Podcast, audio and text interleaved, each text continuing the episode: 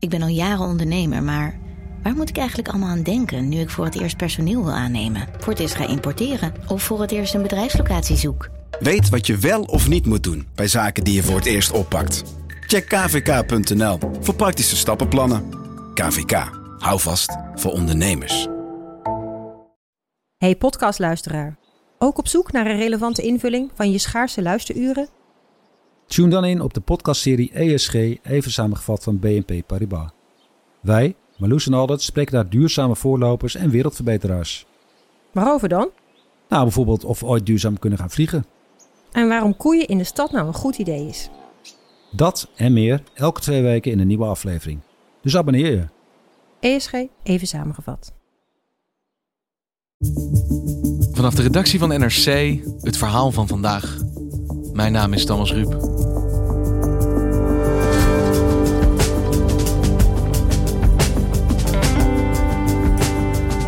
Na negen jaar oorlog is Syrië verworden tot een ware blackbox. Praten met journalisten is voor Syriërs levensgevaarlijk. Toch lukte het Midden-Oosten-correspondent Melvin Ingleby om mensen te spreken. Over de wanhoop, de hongersnood en de economische malaise. Wie dacht dat president Assad de orde in Syrië heeft hersteld, zit er behoorlijk naast.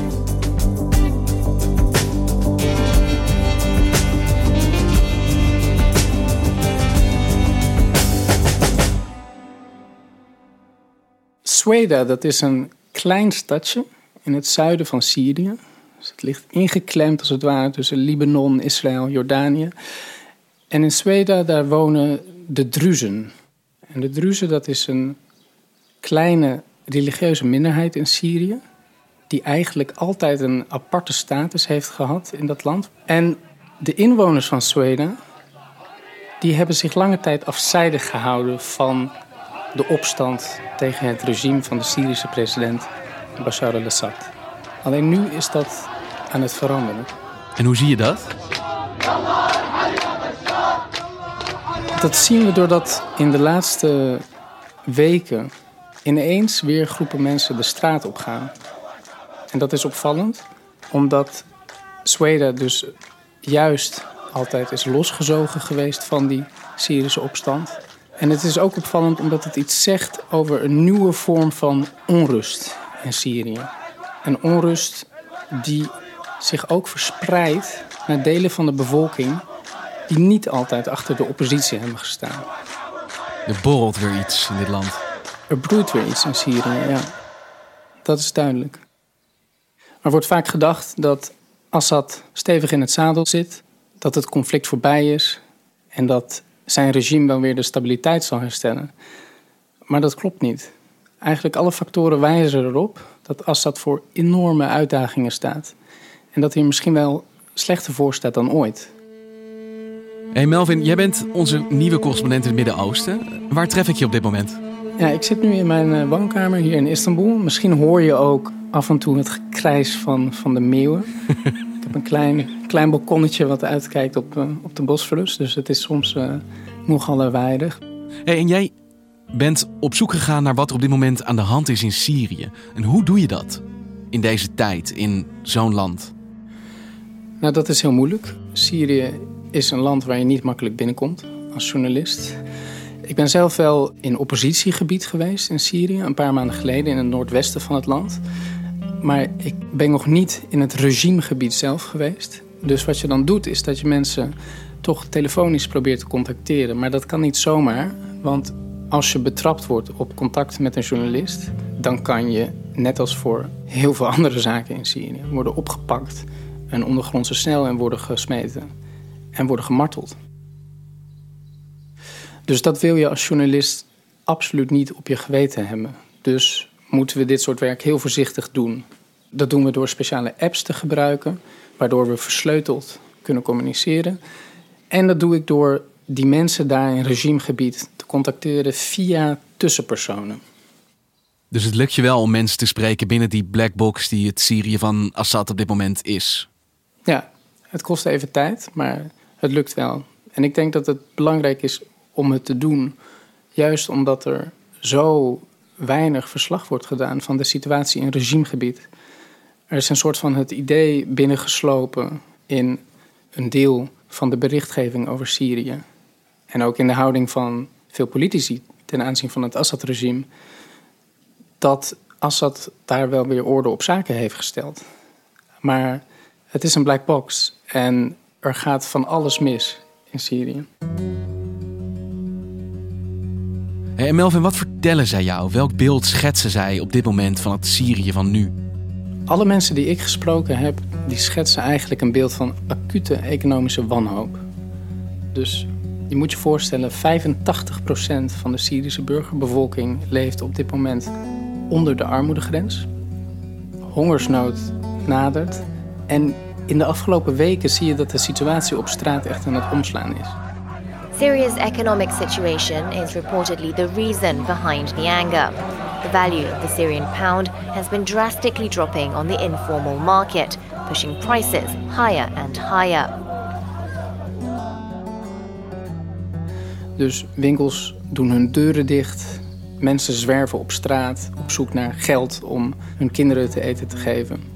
Mensen vertellen me dat ze de meest basale levensmiddelen, zoals olie, rijst, suiker, babymelk, dat ze dat allemaal niet meer kunnen betalen. En in Sweda, dat stadje in het zuiden van Syrië, vertelde een man me zelfs dat de mensen eigenlijk op zoek naar eten het platteland intrekken. In de hoop dat ze daar misschien een vriendelijke boer vinden die nog wel wat melk over heeft. Of nog wel wat brood over heeft. Dus Syrië staat echt aan de rand van de afgrond. Bovendien heeft de coronacrisis hier nog aan, verder aan bijgedragen. Vooral voor dorpen die in tijden van lockdown niet meer naar de markten in de steden konden. En daardoor geen toegang meer konden krijgen tot voedsel. Ik heb het gevoel dat, ook als je de berichtgeving volgt, de oorlog in Syrië eigenlijk voorbij is. Assad heeft gewonnen. En dat is niet de uitkomst waar mensen op hoopten, maar het is wel de realiteit. Maar hoe ziet dat regime van hem er nu uit? Je moet je voorstellen, het Syrische regime is in de oorlogsjaren veranderd in een verzameling van milities, roofzuchtige zakenlieden en warlords, die allemaal een stukje van de taart willen. En Assad, de president, staat daarboven en die speelt die verschillende corrupte elites tegen elkaar uit. Maar dat is desastreus voor de economie, want het drijft enorme corruptie in de hand. En het leidt tot een economie die volledig gebaseerd is op illegale activiteiten, afpersing, drugshandel, etc. Dus het Syrische regime is niet langer een normale functionerende staat. En nu zien we, nu de oorlog grotendeels voorbij is, zien we dat Assad de teugels weer probeert aan te trekken. En dat hij al die warlords en al die corrupte zakenmannen weer in het gereel probeert te krijgen. En de belangrijkste zakenman daarvan, dat is zijn neef, Rami Maghlouf. There's a growing rift in Syria within the president's inner circle. Bashir al-Assad's Bashar, rather, al-Assad's cousin, a business tycoon, has refused to step down as head of the largest mobile operator in the country. Rami Maghlouf is eigenlijk sinds decennia een van de steunpilaren van het regime. Hij heeft een groot telecombedrijf, Syriatel. Maar hij heeft daaromheen ook allerlei andere economische activiteiten, legaal en illegaal. En um, het is een steen, steen, steenrijke man dit. Assad had hem heel erg nodig voor het witwassen van geld, voor het ontduiken van sancties en om milities op te richten om oorlog te kunnen voeren tegen de oppositie. En nu een deel van dat militaire conflict voorbij is, zegt Assad genoeg, jullie moeten allemaal weer op jullie plaats worden gezet. Dus hij heeft de aanval geopend op zijn neef Rami Maghlouf. En hoe reageert Maghlouf? Die zet een video op Facebook. En dat is ongekend in Syrië. In a 16-minute video posted online, Rami Makhlouf says the collapse of Syriatel would be a catastrophic setback for the economy. He says he's under pressure to hand over profits from his telecommunications empire or face arrest. نحن بندفع ضريبة بس بين قوسين كل سنة ما يقارب 10 مليار. Dat er altijd conflicten binnen het regime zijn, dat is bekend. Maar die conflicten die verlopen altijd achter de schermen. Dat zegt dat Maglouf kennelijk over genoeg zelfvertrouwen beschikt om de vuile was van het regime buiten te zetten. En als hij zich sterk genoeg voelt om die kritiek te uiten, dan ziet hij Assad dus misschien ook wel als zwak genoeg om dat bij te kunnen maken. Ik denk dat Maglouf ook ziet dat het regime veel minder sterk is dan voorheen. Er is onrust in de achterban, er zijn protesten, economische onvrede. En als genadeslag kwamen daar vorige week keiharde Amerikaanse sancties bovenop. New US sanctions are now taking effect to punish anyone who does business with his country. Deze sancties gaan verder dan eerdere sancties tegen het Assad-regime. In feite kunnen vanaf nu, wanneer Amerika dat wil, iedere instantie en ieder persoon die zaken doet met het Syrisch regime kan worden buitengesloten uit het Amerikaans financieel stelsel. It targets politicians, institutions, businesses and those engaged in transactions with the Syrian government. En, en die sancties zijn bekend onder de naam de Caesar-wet. Today, we begin a sustained campaign of sanctions against the Assad regime under the Caesar Act, named after the brave photographer who six years ago brought the world documented proof of the Assad regime's brutality against fellow Syrians. Caesar, dat is een schuilnaam van een militair fotograaf die voor het regime werkte en tussen 2011 en 2013 tienduizenden foto's heeft gemaakt van dodelijke slachtoffers van marteling. He was a military photographer in Damascus when the civil war began in 2011. He says he immediately realized what he was then documenting were not accidental deaths, but torture. For example, many of the bodies had their eyes gouged out. Most of these bodies had very deep cuts. Most of them were emaciated, starved for many, many months. En die wist hij in 2014 Syrië het land uit te smokkelen en zo de wereld op te schrikken met bewijsmateriaal van de vreedheden van het Assad-regime. Dus door die sancties naar Caesar te vernoemen, willen de Amerikanen aangeven: Assad, je wordt bestraft voor deze misdaden.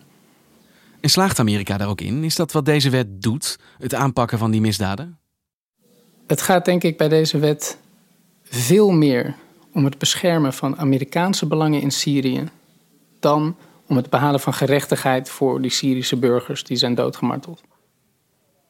Wat eerder aan de hand is, is dat Amerika met deze sancties wil voorkomen dat Assads bondgenoten, Rusland en Iran, een slag kunnen slaan uit de wederopbouw van Syrië. Want hoe gaat dat dan in zijn werk? Hoe zouden deze sancties de positie van Amerika in de regio moeten versterken? Amerika is bang dat Iran haar invloedssfeer uitbreidt van Irak via Syrië tot aan Libanon. En overal heeft Iran ontzettend veel geld geïnvesteerd in milities, zoals bijvoorbeeld Hezbollah, die ook het Assad-regime steunen. Dus door deze sancties tegen het Syrische regime probeert Amerika in de eerste plaats niet Assad, maar Iran te raken. Het zijn Syrische sancties die eigenlijk dus niet om Syrië gaan, wat Amerika betreft. Het gaat om Iran. Zoals altijd met Syrië gaat het helaas niet om Syrië. Ik denk dat alle Syrische burgers met wie ik zelf ook gesproken heb, heel goed weten dat die wet geen gerechtigheid voor de slachtoffers van het regime zal behalen. Er zullen geen oorlogsmisdadigers voor een gerechtshof worden gesleept vanwege deze wet. Maar wat zijn de gevolgen van deze wet dan voor hen? Dan moet je denken aan een aantal zaken. Ten eerste stort de Syrische munt op dit moment in, waardoor heel veel levensmiddelen voor gewone Syriërs onbetaalbaar worden. The economy has been decimated. It's now a third of what it was. Its currency is in free fall. And add to that a shortage of basic goods and rising prices. Ten tweede heeft die wet ook heel veel praktische gevolgen in het dagelijks leven van burgers. Doordat bedrijven vanuit de hele wereld geen zaken meer durven te doen met Syrië uit angst voor die sancties. Dus om je een voorbeeld te geven, er is een Libanees bedrijf dat pinautomaten opereert in Syrië. Alleen sinds de aankondiging van die sancties heeft dat bedrijf die pinautomaten gesloten. Uit vrees gestraft te worden door de Amerikanen. En sindsdien kunnen veel normale Syriërs niet meer bij hun spaargeld. Dus de duistere ironie van een wet die officieel de Syria Civilian Protection Act heet, is dat die burgers helemaal niet beschermt, maar juist heel hard kan raken. Dus deze sancties verzwakken de Syrische samenleving, de burgerbevolking. Maar in hoeverre geldt het ook voor het regime van Assad? Wordt Assad zelf ook verzwakt door wat de VS nu doet? Ik denk inderdaad dat de sancties het regime kunnen verzwakken. En dat de sancties het regime in de problemen kunnen brengen. Maar ik denk niet dat dat zal leiden tot politieke veranderingen. Eerder denk ik dat wat we zullen zien gebeuren, is dat de economie nog meer in de schaduw wordt geduwd. En dat juist die corrupte zakenmannen en die warlords daar hun slag uit zullen slaan. Dus ik denk niet dat de verandering die uit deze sancties zal komen ten gunste van de bevolking zal komen, maar eerder dat het regime de duimschroeven op de bevolking steeds verder zal aandraaien. Want het is heel simpel. Als mensen honger hebben, dan krijgen de sterkste te eten en de zwakste niet.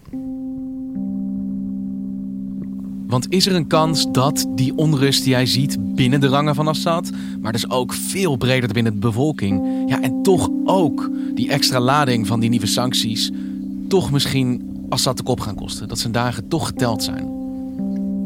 Dat denk ik niet. Ik denk dat de druk op het regime nog veel meer is opgevoerd nu.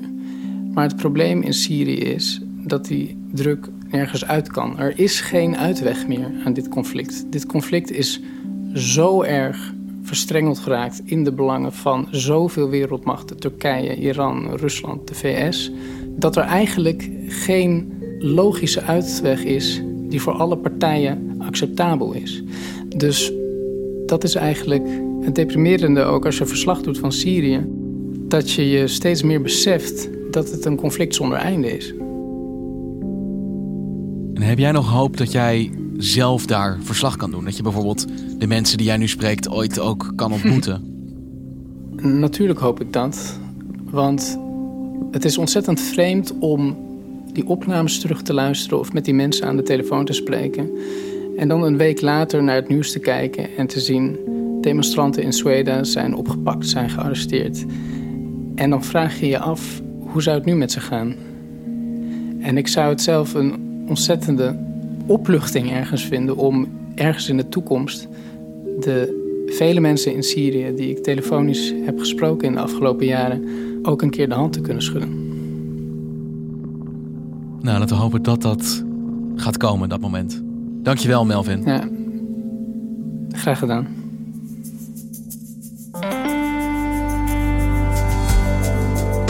Je luisterde naar vandaag, een podcast van NRC. Eén verhaal, elke dag. Dit was vandaag, morgen weer.